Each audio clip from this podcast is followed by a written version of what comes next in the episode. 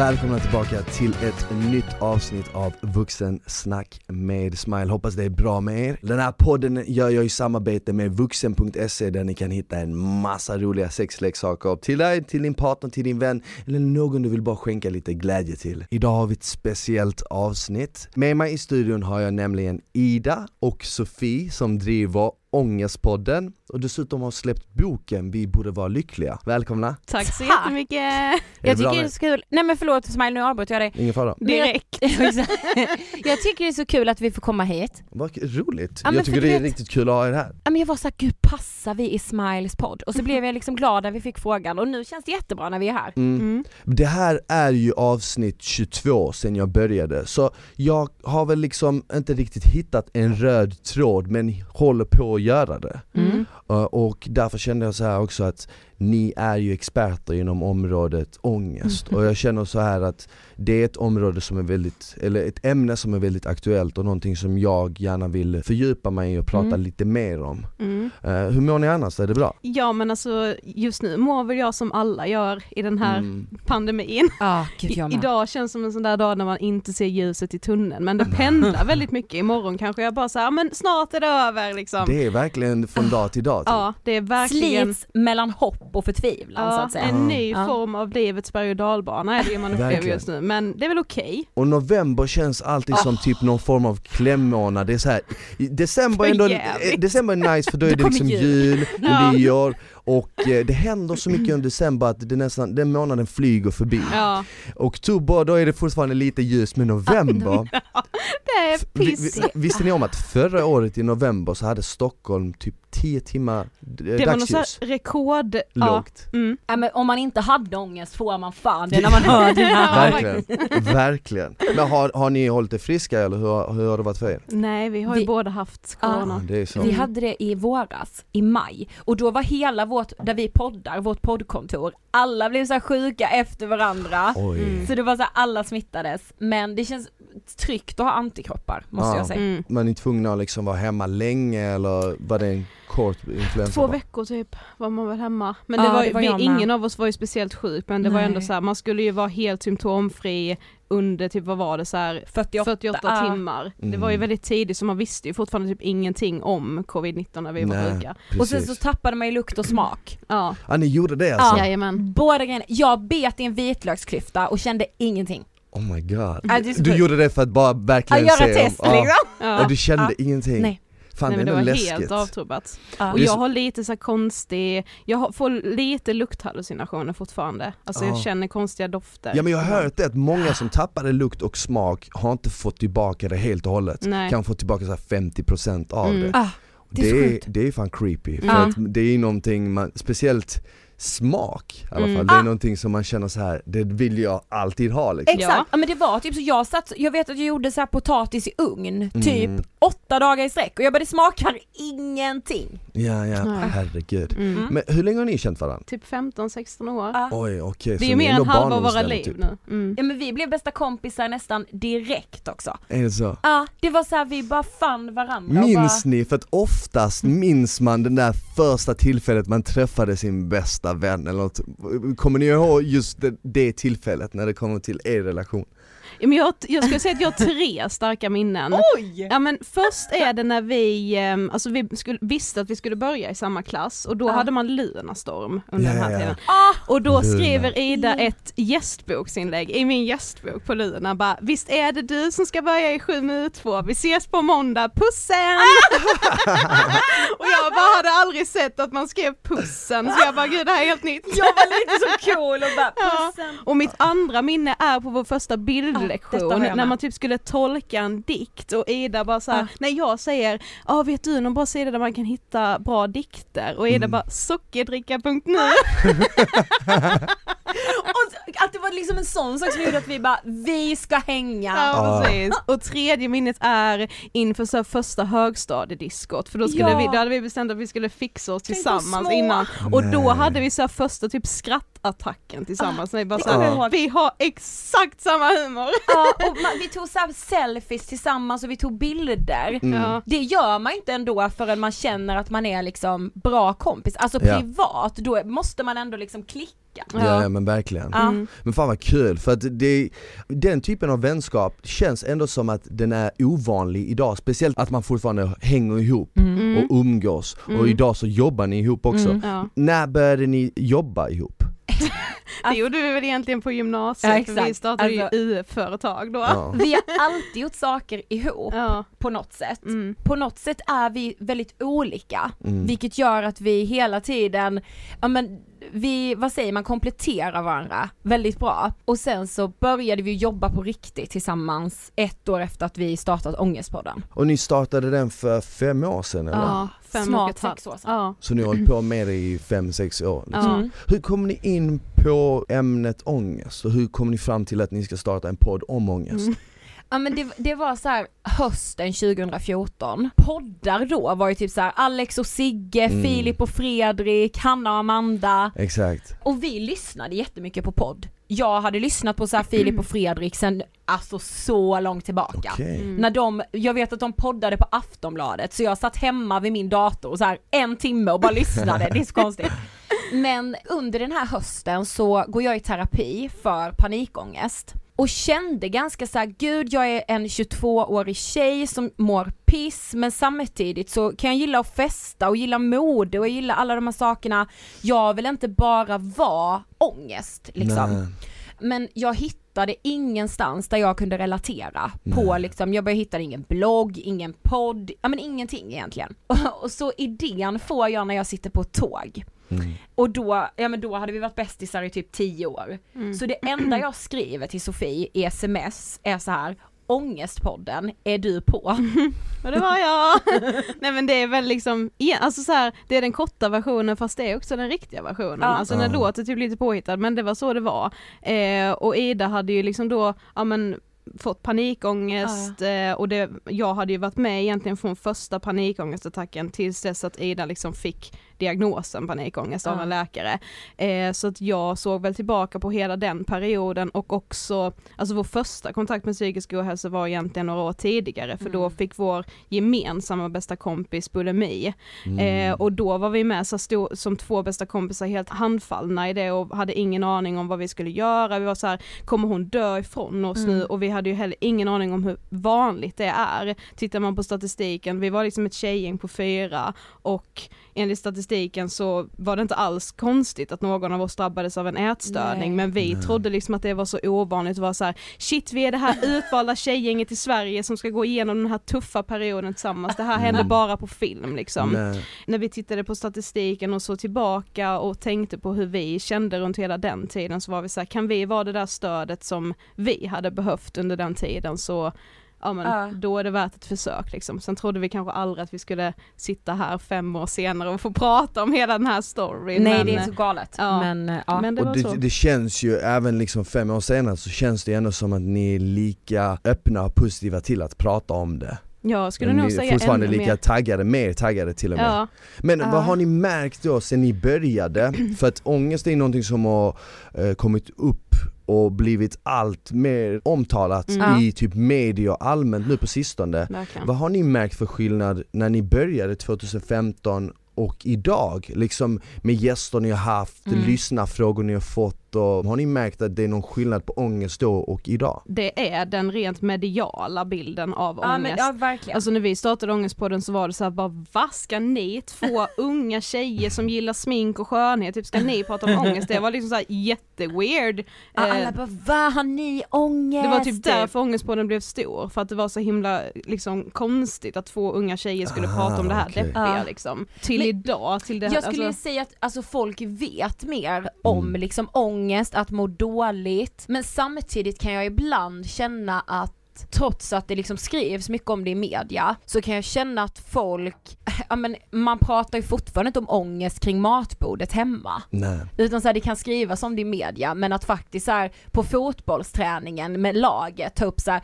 fan alltså jag avbrutit träningen idag, jag har asmycket ångest. Det Mm. händer liksom inte. Nej. Det är fortfarande ett stigma på något sätt. mm. Mm. Ja men det kan jag tänka mig för att jag själv inför förberedelserna in, till just den här podden så kände jag så här vänta nu, vad, vad är ångest Ja. egentligen? För att Mm. det kanske är no olika för alla. Ja. Vad är ångest för mig, vad är ångest för dem? Vad är ångest för lyssnarna liksom? Mm. Vad, vad skulle ni säga, vad, vad är ångest för er? Oj, det förändras ja. väldigt mycket skulle jag säga. Vi sa väldigt tidigt att man måste, precis som du säger, man måste få definiera sin egna ångest. Jag tycker det är bra, alltså verkligen. ja. För, för någon kan det ju vara, är man jättesjuk, alltså man kanske har fått en psykos eller man har bipolär sjukdom, då är ju ångest något jävligt tungt liksom. Mm. Men för någon som bara, säger jag nu med citationstecken, har liksom upplevt ångest kring vad ska jag göra med mitt liv? Mm. Utan att liksom förringa det så är ju det jättemycket ångest för en person som inte har upplevt något annat.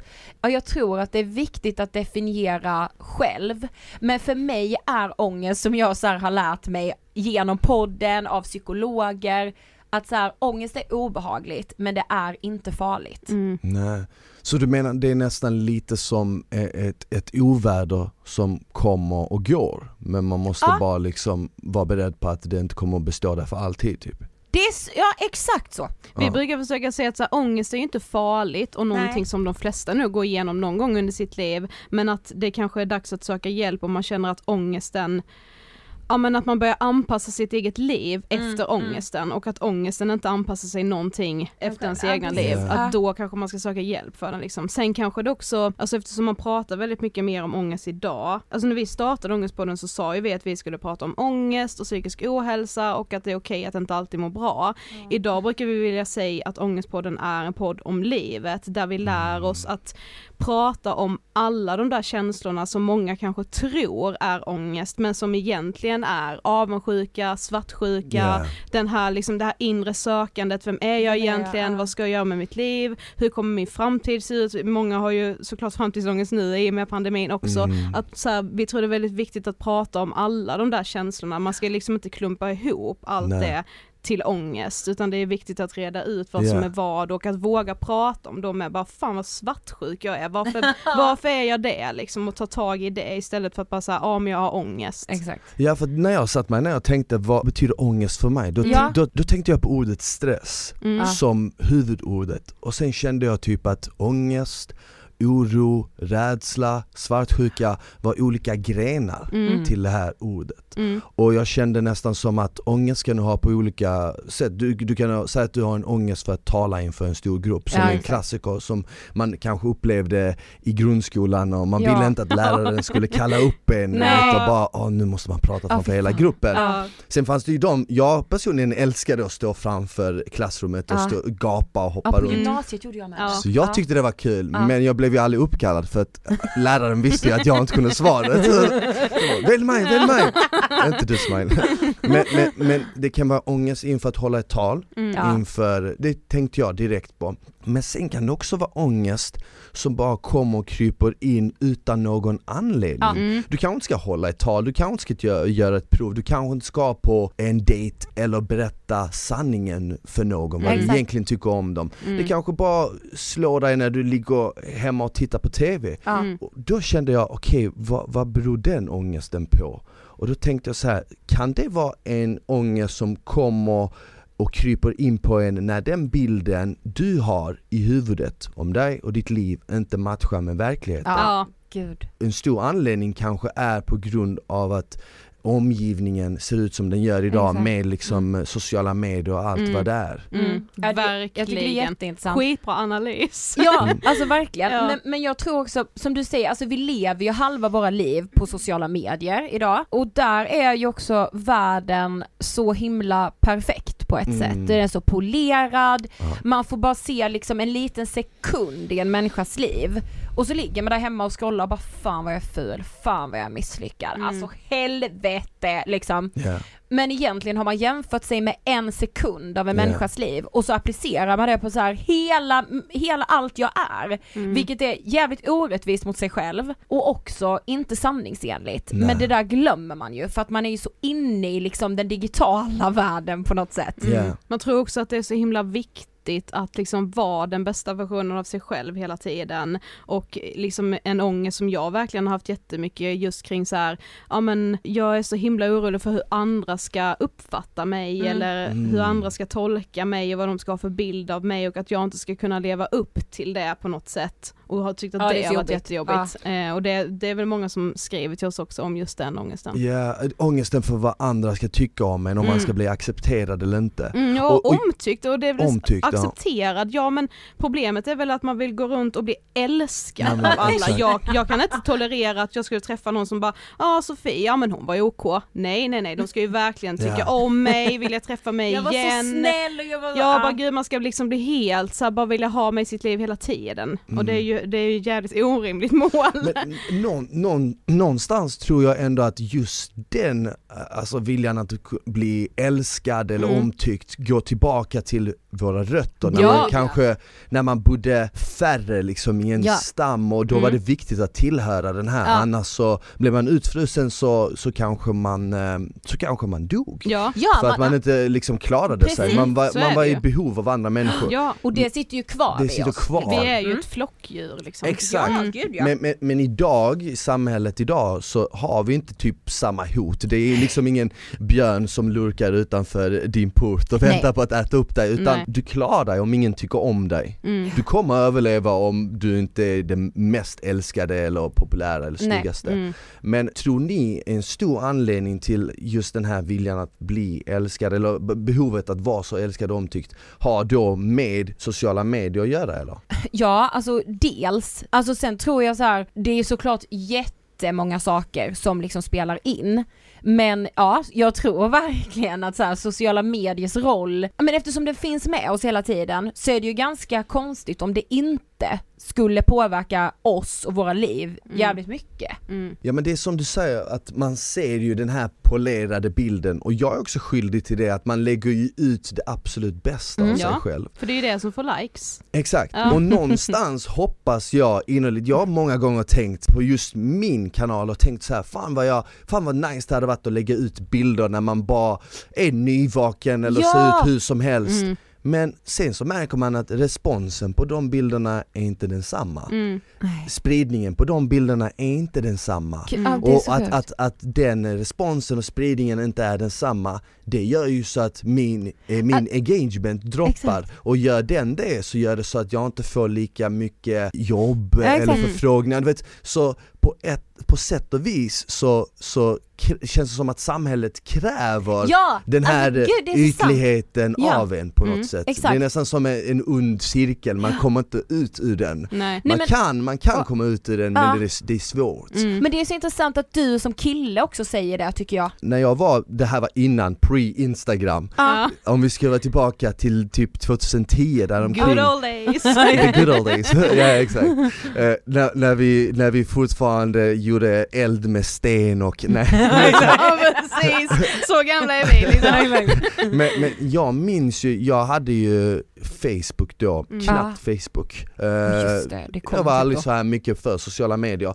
Men eh, jag eh, såg ju liksom de här fitnesstidningarna på Mm. killar som var så jävla vältränade och jag hade precis börjat träna efter gymnasiet så jag hade tränat i ett, två år och fått bra respons men jag var ju inte på deras nivå. Mm. Och jag tänkte ju inte i mitt huvud att ja, men de ser ut så här en gång om året eller du vet Nej, det här kan vara en fotograf, det här kan vara belysning, Mm. det här kan vara det. Så jag började ju leva på ett sätt som egentligen, och äta på ett sätt som egentligen var väldigt destruktivt Mm. för mig och nästan höll på att utveckla en ätstörning bara för att se ut som de här killarna på de här bilderna. Mm. Och det här var ju pre-instagram. Ja. Så det här var ju typ samma sak som jag kan tänka mig att många människor, både unga och äldre, går igenom idag när de kollar på Instagram fast Exakt. så mycket mer förhöjt. Mm, Exakt. precis. Problemet är ju med att man har tillgång, alltså så här, att jämföra sig med andra, det är ju med liksom så här, ett mänskligt beteende som Ja. man Det gör, liksom, det har vi gjort. också Ja. alltid gjort. Och så här, vi brukar bara dra jämförelsen att, ja men pre-instagram då, när man inte hade lika mycket jämförelse med, Mm. då var det så här, ja men man jämförde sig med andra på skolgården Exakt. skolkatalogen när den kom, det var Ja. verkligen en och skitstor grej för man skulle ja. leta upp på och kolla hur alla, alla såg ut och visste då också att alla kollar också hur jag, Hur jag ser ut så det var väldigt viktigt att bli snygg där i liksom. Men idag kan man göra den jämförelsen med vem som helst i hela världen när som helst på dygnet, alltså Mm. hela tiden och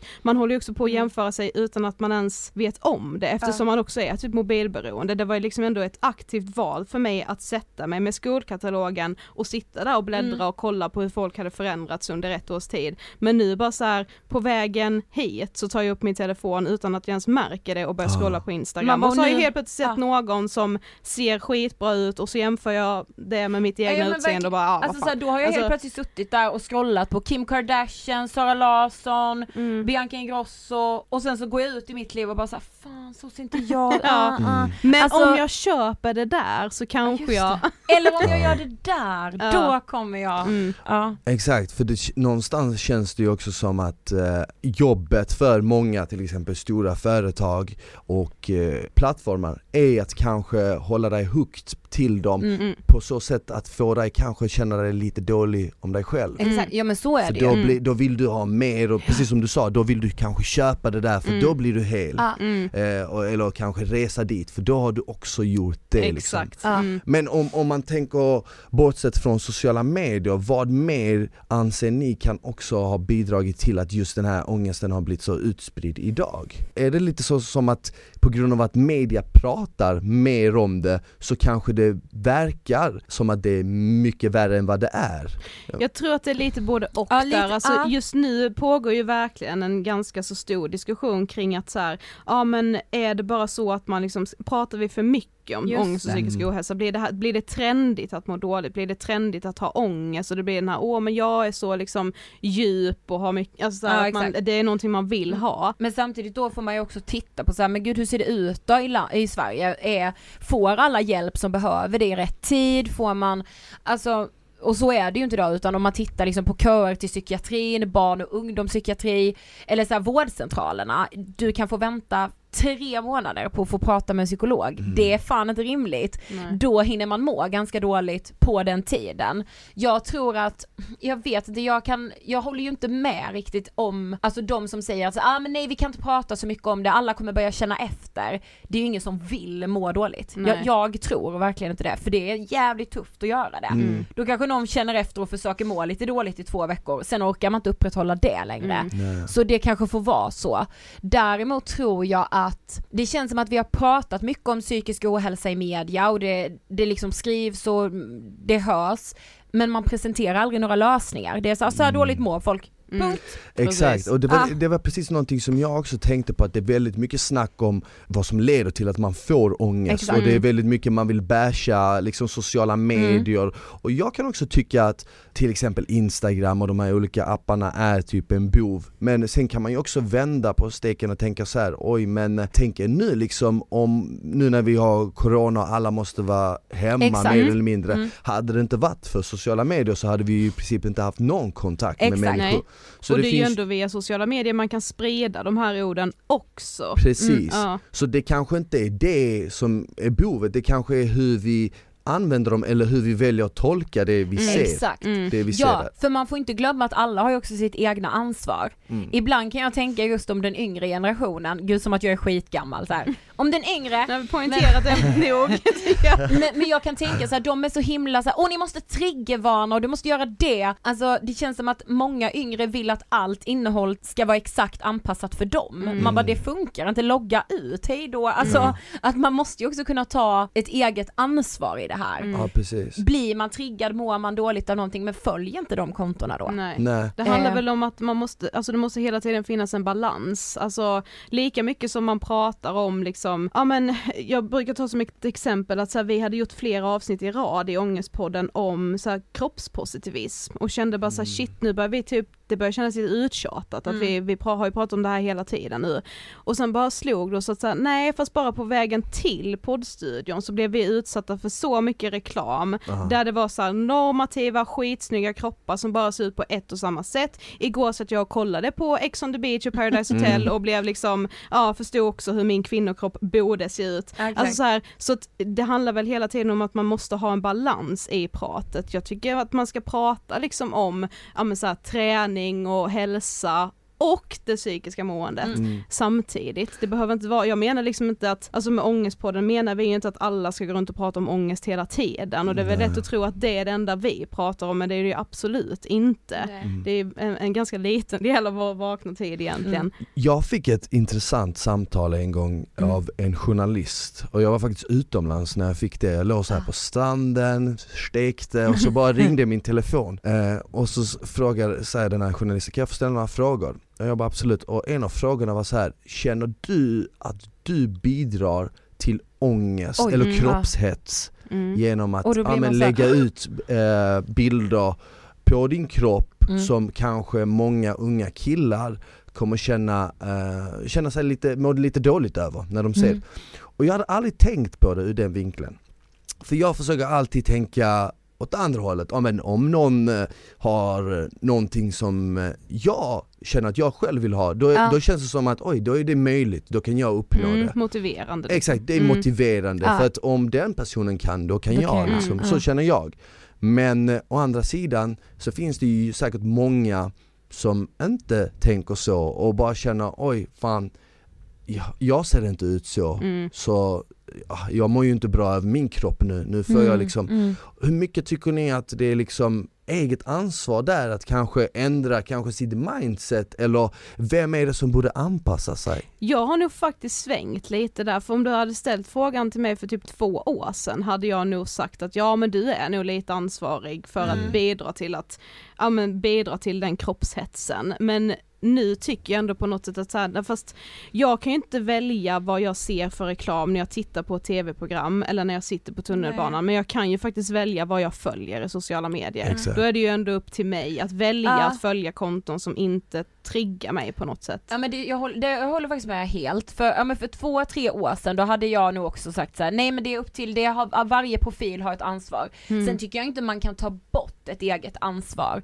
Alltså jag tycker som du sa innan att så här, lägga ut en bild när du är nyvaken, jag hade älskat det. Ja, Alltså jag tycker också jag att så hade likat. Ja då hade jag likat direkt. Ja. Nej men så här, jag tycker att som liksom influencer, profil, vad man än vill kalla det. Alltså jag tycker att man har ett ansvar av att så här, mitt liv är inte alltid så Mm. här, men för den sakens skull kan man ju inte anpassa vem man är, hur man ser Nej. ut, sitt liv efter vad några, alltså efter vad ens följare tycker är rätt och fel Mm. liksom. Exakt. Men det är Mm. fan svårt, alltså Det känns, ju som en, det känns ju som en skör eh, liksom så här, balansgång för på ett sätt så vill man ju inte Nej, att folk ska må dåligt för att de ser någonting som de kanske känner, Aj, det, där, det där matchar inte med min verklighet eller den jag är. Men sen på ett sätt vill man ju kanske inte heller, alltså man vill ju inte sluta den man är. Nej, men sluta det- vara den man är. Om man Exakt. tycker om att träna och motionera och sånt så leder ju det såklart efter fem eller 10 eller 20 års tid, hur länge du har hållit på med det, så Mm. leder det till att du ser ut på ett visst sätt. exakt, Då såklart. kanske man inte vill eh, sluta upp Men du med är väl PT också? Exakt. Mm. Ja, men det det, hand, jobb, ja, men liksom. så här, det handlar väl också om att, ja men så här, du är ju ändå öppen med att du har ett liksom, det är väldigt träningsinriktat Mm. på ditt konto, det ser man ju snabbt ganska tydligt liksom. Det handlar väl om att man, man kan promota den livsstilen man själv har valt att ha och det kanske är den man får följare av, men att också berätta att ett annat val är inte fel. Mm. Alltså så att man inte promotar det som att så här, det här är den enda rätta vägen. För, Nej, exakt. Utan Mm. att så här, så här har jag valt att leva och det här mår jag bra av. Kan det inspirera någon så är det jättebra. Men har du valt något annat så är inte det heller fel. Nej. För att, eh, först när jag själv började liksom med träning och sånt, då var det ju mest för att ja, men alla killar började träna och så Ja. ville man liksom vara in i gänget och Mm. då var det ju mycket, mycket mer fokus på eh, det ytliga. Mm. Ja. men man ville se snygg ut för man kanske ville att tjejerna skulle tycka att man var snygg Ja. eller Mm. whatever. Men nu när man har blivit äldre och man har märkt att just ångest har blivit så mycket mer och stress har Mm. blivit så mycket mer utbrett känns det som. Eller, Mm. Man, man är, man är, eftersom man är vuxen så märker man ju också mer, när man var yngre tänkte man inte på det Nej, på samma nej. sätt. Då märker man ju också typ fördelarna med träning. Ja, och då känner ju absolut. jag, då känner jag också någonstans typ att men det här är ju också ett botemedel Mm. kanske, just mot ångest och Mm. stress och Mm. sånt här. Mm. Vad anser ni, typ, vilka andra botemedel känner ni där finns för just till exempel ångest? Åh gud, jag tror att man eh, måste förstå att så här, ångest är en del av livet. Vi Mm. kommer aldrig bli av med ångest helt. Vi Mm. kommer få acceptera att det finns liksom. Och om man också accepterar det, då är det liksom, bara det kan vara ganska skönt. Mm. För då lägger man inte massa energi på att säga, ah, jag vill inte känna så här, det här vill jag bli av med. Och man bara såhär, nu är det så här, den här dagen suger, så får det vara. Mm. Tack, typ. Eh, men såklart, alltså träning, det är ju liksom forskning, all forskning säger det. Jag vet att eh, Anders Hansen som är forskare som har skrivit den här Hjärnstark, Mm. Eh, om någon har mild till måttlig depression så diminerar man eh, jogg, jogging på recept till de här patienterna. Mm. Vet du vad, gå ut och jogga tre gånger i veckan. Mm. Ehm, jag tror också, ja men samtalen, kunskap, herregud, man måste prata om vad ångest är tidigt med barn och unga. Mm. För idag vet man ju inte. Man Nej. vet ju inte att så här, jaha, eh, den här känslan är obehaglig så jag slutar äta eller jag skadar mig själv eller jag, eh, jag skiter i att gå till skolan. Mm. Det är ju inte lösningen såklart, men eftersom man aldrig har pratat om de obekväma känslorna så ger de uttryck i olika saker. Mm. Och att man tänker att det är något fel på en själv liksom. Ja. Och sen också bara så här generellt sänka förväntningarna ganska mycket på livet i allmänhet. Nej, Alltså, men det är vi- sant. Ja, Ja. alltså vi brukar liksom försöka säga så här, men livet är generellt ganska två plus. Och sen jag själv började tänka det så har jag mått ganska mycket bättre. med. För att jag liksom känner ju själv att jag många gånger har så sjukt mycket förväntningar på ja, men mig själv, mina egna prestationer, mitt utseende, alltså allt, man ska Mm. liksom prestera på alla plan. Jag ska vara en bra vän, alltså allt hela tiden. Och så här, du kan vara den bästa versionen av dig själv, men var det någon gång i månaden. Ja, Ja. Vissa dagar får du fan vara den sämsta Mm. versionen. Ja, Ja, Alltså. Det är någonting som jag själv också börjat tänka på på sistone för att det, det, att, att livet handlar inte bara om att det ska vara en dans, Nej. kanske genom hela livet. Att det är okej att känna sorg, mm, att det är okej att känna sig nere och Mm. ledsen, och, mm, eller att ha ångest. mm. Och det behöver inte vara något negativt, och det var det jag tänkte för att nu känns det som att till exempel ångest har man ju lagt en väldigt så här ja men det är något dåligt, det är något Mm. dåligt. Och jag, jag vill inte säga att det är något bra, men jag menar det, det behöver inte alltid vara så dåligt. Nej. För att man kan ju aldrig, man kan ju aldrig känna liksom de här highsen om man inte har lite lows. Nej, jag, tror, jag, jag skulle nästan säga att det är konstigt om man går runt hela tiden och bara är superglad och inte känner något. Ja det är lite För då kanske, du, obehagligt. då, då kanske du är lite, då, då kanske man nästan är lite avtrubbad från att känna överhuvudtaget. Exakt. Exakt. Jag skulle säga att de perioderna när jag har mått som sämst, det har varit jättejobbigt men det är ju de som har utvecklat mig mest också. Ja. Jätteklyschigt det men det är ju de som har liksom fått mig att öppna upp mig för mina vänner, nu känner jag så här och det är Ja. jättejobbigt. Det är de jobbiga perioderna som har fått mig att söka hjälp och det har ju också på sin tur utvecklat mig Precis. liksom. Men Eh, jag måste säga att ångest är en jättedrivkraft för mig. Ja. Alltså utan min ångest hade jag ju aldrig haft ångestpodden ens en gång. Nej. Alltså, Nej. nej. men och så här, att man liksom, ja men på något sätt så ger den också energi till att så här förändra saker och ting. Mm. Alltså Ja. men så här vill inte jag alltid må, så här vill inte jag ha det och att man kan bli nästan kreativ i det på något Mm. sätt. Av att känna sig lite otri, alltså inte riktigt tillfredsställd med hur det ser Ja, ut. precis. Ja, Ja, men det uppfattar jag som någonting som, som en väldigt stark drivkraft. mm. När man liksom känner den här känslan av att okej, jag, jag vill ta mig någonstans eller jag vill eh, klara av det här projektet men jag är så långt ifrån det. Mm, och hade exakt. jag inte känt den här viljan till att behöva göra det, Ja. nästan som press eller stress till att Exakt. behöva göra det, så hade man ju aldrig fått igång det och Nej. alltså resa upp liksom. Nej, man ska ju se att alltså ångest ska ju ses lite som en väckarklocka. Det är liksom kroppens sätt att berätta för dig att nu lever du på ett sätt som du kanske borde förändra, det är någonting som inte riktigt stämmer och sen så kan det ibland vara skitsvårt att reda ut vad det är men då Mm. finns det ju hjälp Mm. att få liksom. Jag tror också det är viktigt att bara så här också en ångestminimerare att liksom börja tänka lite mer att man inte alltid måste vara på väg någonstans, att man inte alltid måste hålla på med den här självutvecklingen eller Nej. ha massa stora planer på G och bara Åh, vad ska du nu göra, vad har du nu i pipen? Ja. Alltså att bara stå och stampa, För- att för- normalisera det lite Mm, också. Så bara, alltså, Ibland, så, som du säger, det- ibland kan det nästan kännas som att man vill hela tiden vara på väg någonstans Ja. för att det kanske är att man flyr från något. ja. Precis som att man hela tiden behöver vara ockuperad med något. Mm, mm, Och det är mm. också sociala medier väldigt bra på, att Exakt. de hela tiden håller dig, de, de håller dig liksom hooked på någonting Mm. annat som egentligen inte är viktigt medan du vill fly det här som du egentligen bör sätta dig ner Mm. och ta itu Men som med. är lite Mm, jobbigt liksom. Och, och det är någonting som har hjälpt mig med det otroligt mycket, det är meditation. Mm. Ja. Jag vet inte, mediterar någon av er? Nej, det har inte funkat så bra för mig. Nej. Det, det är svårare än vad man tror. Ja, det är alltså, även om det handlar om typ 10 minuter eller en kvart och det är Mm. så här. Vad är 10 minuter en kvart? Det är ingenting men det är otroligt svårt när Mm. man ska Ja. faktiskt sätta sig ner och bara göra det. Mm. Och det, det, det som fick mig egentligen att börja Mm. göra det, det är just den känslan av obehag att det var så svårt. Mm. För att det, det var det som fick mig att bara känna så här: oj herregud, alltså kan inte jag du vet sätta mig ner i 10 minuter eller en kvart om en dag, då är det fan läskigt.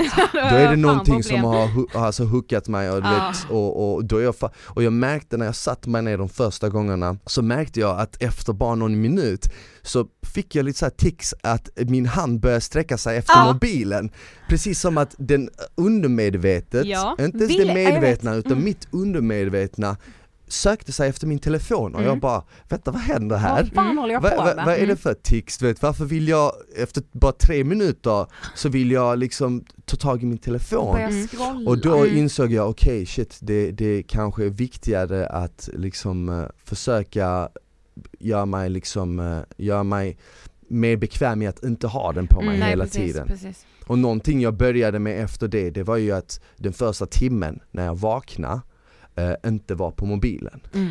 Så det är för- tyvärr det första jag gör när jag Ja, vaknar. alltså Det- det, ja. är, ja. Och, och så, var, så, så, så är det för mig fortfarande ibland, Mm. det är det fortfarande, det ska jag vara ärlig med, det är mycket svårare än vad man Ja, tror men det, ja. Men jag har blivit bättre på det att den första timmen går larmet och det är inte larmet från mobilen utan det är ett larm som jag köpt en väckarklocka.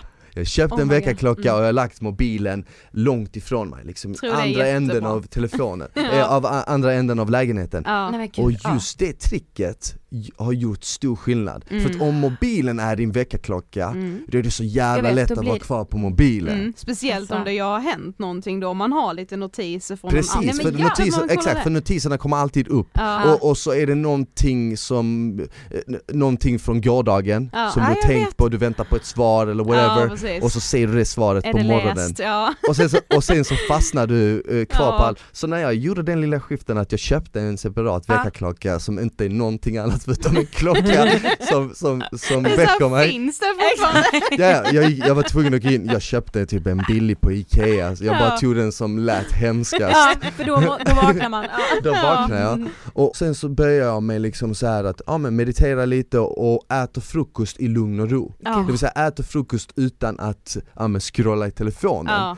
Och vad som händer då, vad jag märker, för, för de första dagarna är extremt jobbigt men vad som händer sen, det är nästan som att din hjärna blir nästan som en inkorg Du tar tag i dina tankar lite som du tar tag i mailen i en inkorg Jag måste, jag måste testa det här. och, och, och du bara liksom, du går ut, varje tanke är ett mail och så Mm. du bara går igenom varje tanke och sen är den inkorgen tömd Och då Och- är man liksom och redo att kicka Då är du igång. redo, och, Ja. och vad som händer då, skiftet, vad som händer då, det är att du börjar använda telefonen och sociala medierna mer som ett verktyg än Mm. en del av dig Ja, själv. precis. Så du är, inte lika, du är inte lika eh, beroende av det, Ja. utan det Nej, men känns det är- nästan som Jag din... kommer köpa en väckarklocka efter det här. Men vet ni, riktigt. alltså för jag tänker med, herregud det är så spännande. Ja men Mm. jag, jag tänkte ändå det själv nu när du sa här liksom i början av inspelningen, bara, ah, men jag lyssnade på Filip och Fredrik, då gick jag in på Aftonbladet och satt i mitt rum och lyssnade bara på dem, Ja. satt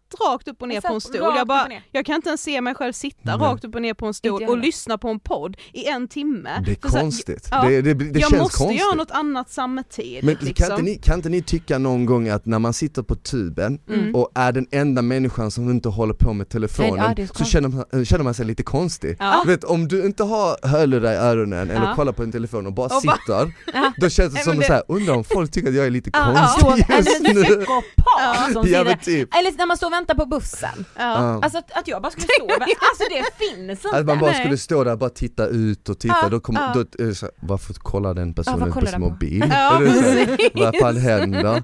Men n- vad jag fick ens idén och tanken var ju att man trycker ju väldigt mycket på att man inte ska hänga på mobilen innan man lägger Innan man sig sova, på grund det. av ljuset och Mm. allting. Och då var det så här, men vad händer om man liksom vänder på det och kör en timme på morgonen och Mm. kanske en timme på kvällen. För det som skrämde mig var ju liksom när man kollade på skärmtid och Mm. hur mycket tid man spenderar på mobilen. Mm. Och så tänkte jag så här, ja, men låt oss säga att det är sex timmar Mm. eller whatever. Det är liksom en dag. Sen Mm. ska du gånga det med sju på en vecka, sen ska du gånga det med ångest. 30 på en månad. Mm.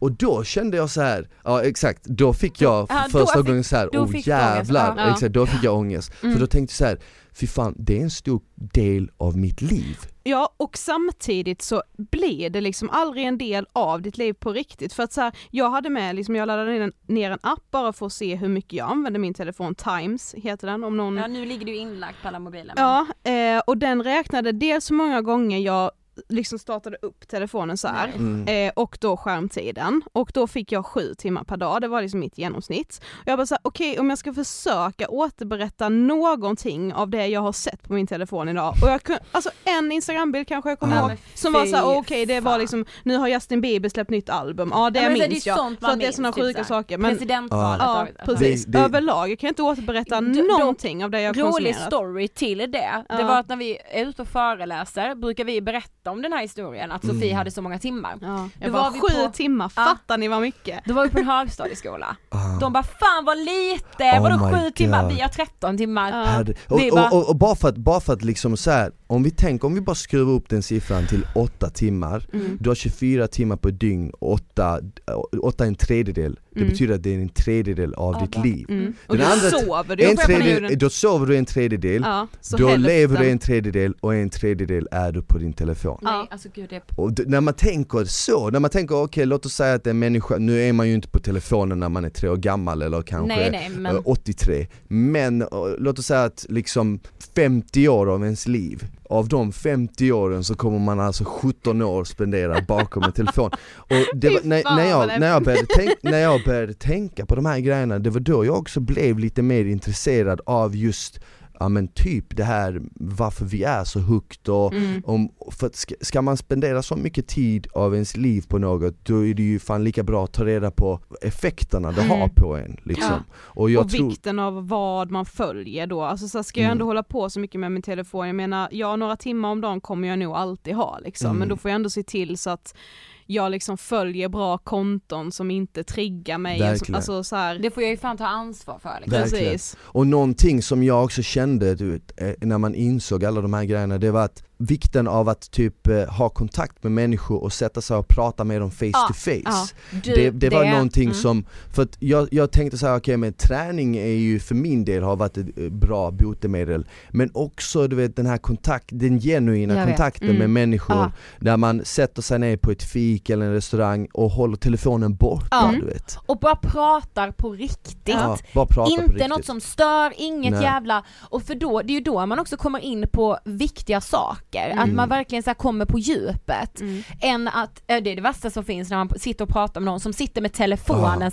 Och Man- även om, även, ibland kan jag känna att även om man inte sitter på telefonen, bara att den är typ så här på bordet, Ja. så känns det som att det är så här: okej, där sitter en tredje person och, Exakt! och, Ja, och så väntar man på att den ska lysa upp Ja, ja. och då Precis. tappar man Ja. Vi, koncentrationen. och, vi gjorde faktiskt ett poddavsnitt med en forskare på Mm. så här mobilberoende Mm. och hon sa ju det med så här, ja, alltså man ser ju tydligt att det är ett beroende man har liksom. Mm. Det är Ja. liksom substanser i hjärnan som man ser förändras när man är utan sin telefon, om den Ja. typ går sönder eller något Mm. så får man typ abstinens.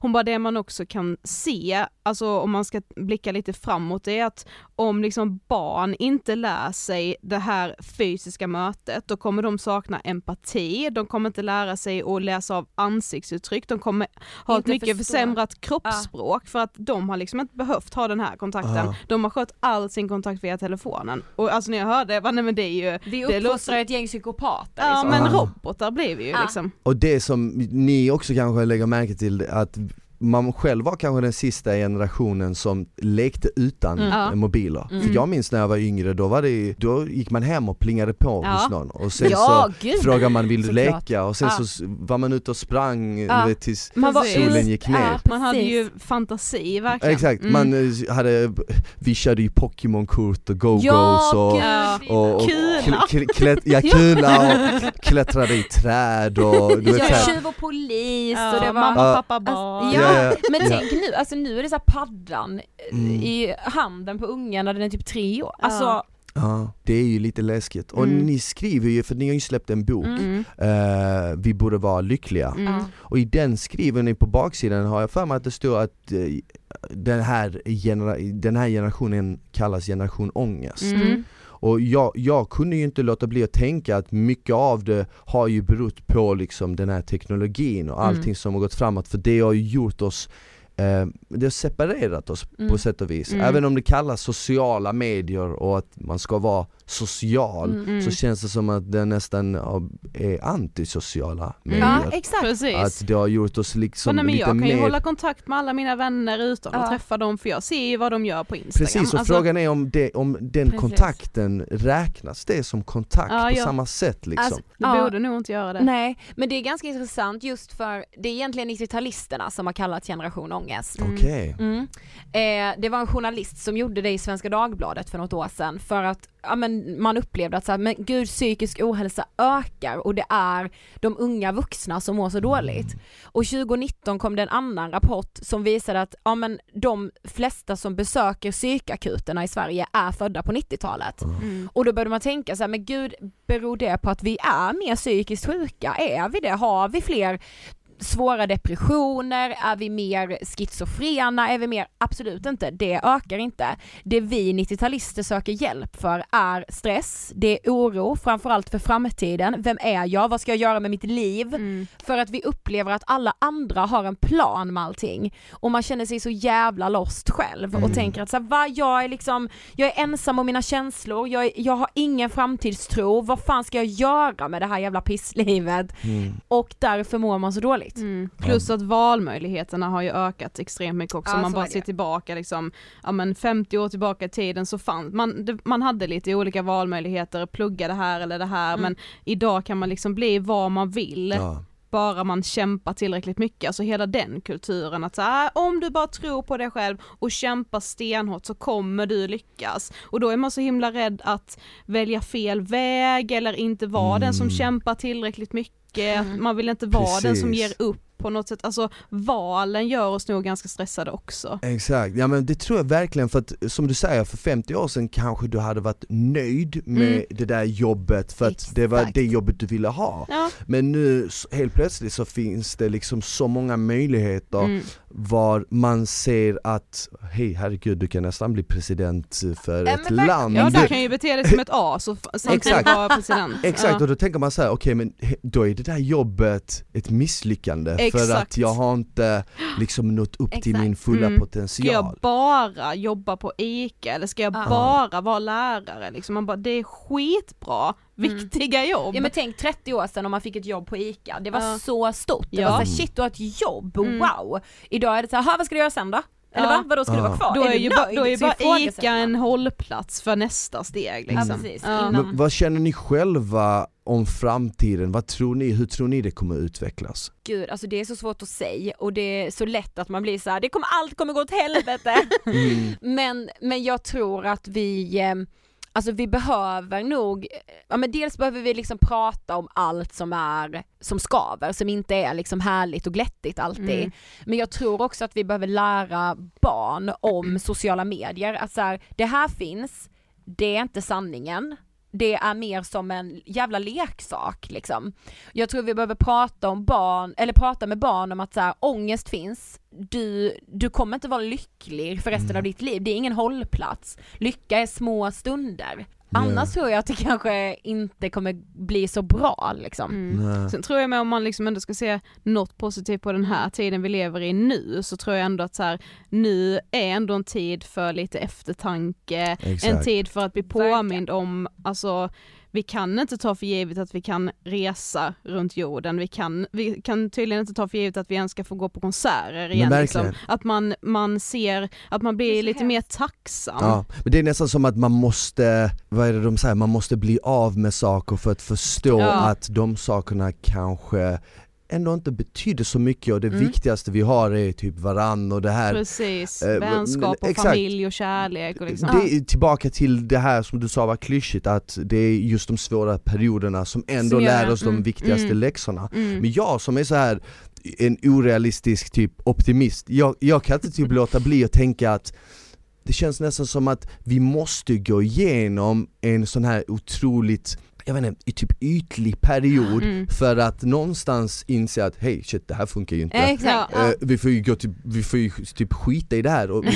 och vår generation kanske inte kommer inse det men de som är unga kids nu Exakt. kanske när de blir äldre kommer känna fy fan vad alla var hooked på sina telefoner Ja, för precis. 10-20 år sedan. Mm. Det där var ju inte alls bra. Ja man Ja. hoppas ju nästan att mobilen ska bli det nya så här, rökrummet. Jag kommer ihåg när mamma första gången var på vår gymnas min gymnasieskola, hon hade också gått där, hon bara ja där var rökrummet när jag gick här, jag bara vad sa du? Hon bara ja men vi var där inne och rökte på rasterna, man fick röka inomhus i ett rum, jag bara men ni kan inte ens ha sett varandra, hon bara nej nej det var rök överallt. Att mobilen blir liksom så här, ja men när jag var Mm. ung så satt man med telefonen när man inte hade något att göra, bara va satt ni med Ja, dem exakt. hela tiden? Verkligen. Alltså att det blir någon sorts kollaps i hela det här Ja, hur man det- använder. det, det hoppas man ju Ja. nästan, att det Ja. blir liksom lite mer så här, ja men som det var förr att man, man kanske använder telefonen som att bara ringas och Mm. höras vid Men Mm. sen så kan man ju inte låta bli att det känns ju mer och mer som att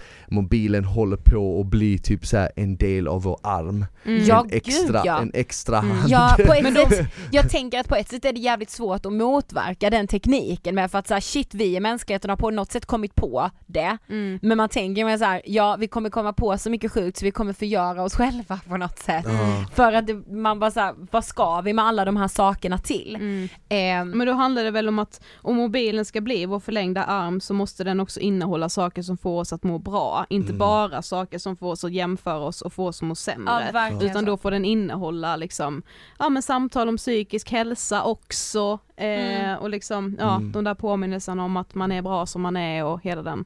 Så om, om vi kan summera vad som skulle vad som kan ta en ut ur ångest lite eller få en på lite alltså, bättre humör Mm. skulle, skulle man kunna säga liksom att man ska försöka fokusera på att inte spendera för mycket tid på mobilen Ja, Mm. att begränsa skärmtiden liksom. begränsa Mm, mm. skärmtid och speciellt kanske, ja men typ att du väljer kanske någon gång under dagen där du är på mobilen Ja. Mm. Även om det är så mycket lättare sagt än gjort Ja, gud, ja. så tror jag ändå att kan man ta det aktiva eh, beslutet och valet att f- hålla sig ja, men borta från telefonen den första timmen och sista timmen Mm. så tror jag, för det var någonting som jag märkte, att Mm. även om kroppen är väldigt snabb på att bli hooked på något så är det nästan som att jag märkte själv att det tog inte många dagar innan jag blev typ avgiftad om man Mm, säger så. ja, och märkte typ att jag nästan kom ut ur en bubbla. Jag Ja. bara wow shit, jag Aha. hör fåglar, Ja, jag hör bilar, du vet, så här, jag känner, jag, känner, jag känner mina sinnen Mm. mer, det var nästan så, men kanske ha lite mer kontakt, fysisk kontakt Mm. liksom, med 100%. folk. Ja, Alltså det är jättekul att ha kontakt på sociala medier Mm. men ersätt inte den kontakten med de fysiska Ja, mötena. bara Du kan ha och. pandemin. Ja, ja just det, nu måste man ju. Men, Men så här, annars, ja, ja, exakt. den här perioden ska ju ta slut någon gång. Ja, Ja. verkligen. Och, att- och, men jag tror med som så här, sociala medier får inte vara blodigt allvar. Nej. Att man får ha med sig det. Att Det det, bety- ja, precis, det betyder inte så mycket. Nej.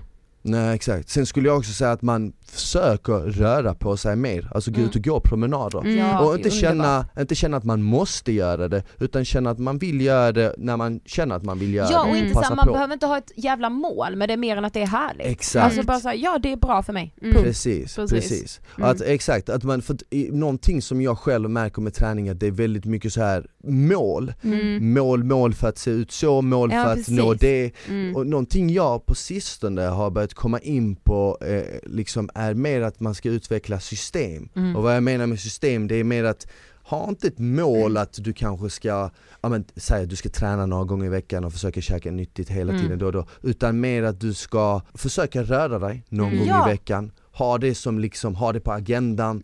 Och du vet utveckla, utveckla vanor, mer eller mindre goda vanor typ. Mm. Och jag, jag tror att allt sånt kommer att leda till att man försöker, eller att man åtminstone mår lite bättre. Mm. Precis. Verkligen, Ja. håller med. Håller med. Jag ska köpa en uh, väckarklocka jag måste köpa en väckarklocka. Ja. Alla kommer köpa en väckarklocka Ja. nu, de kommer ta slut. Precis som eh, de här eh, En fläktarna.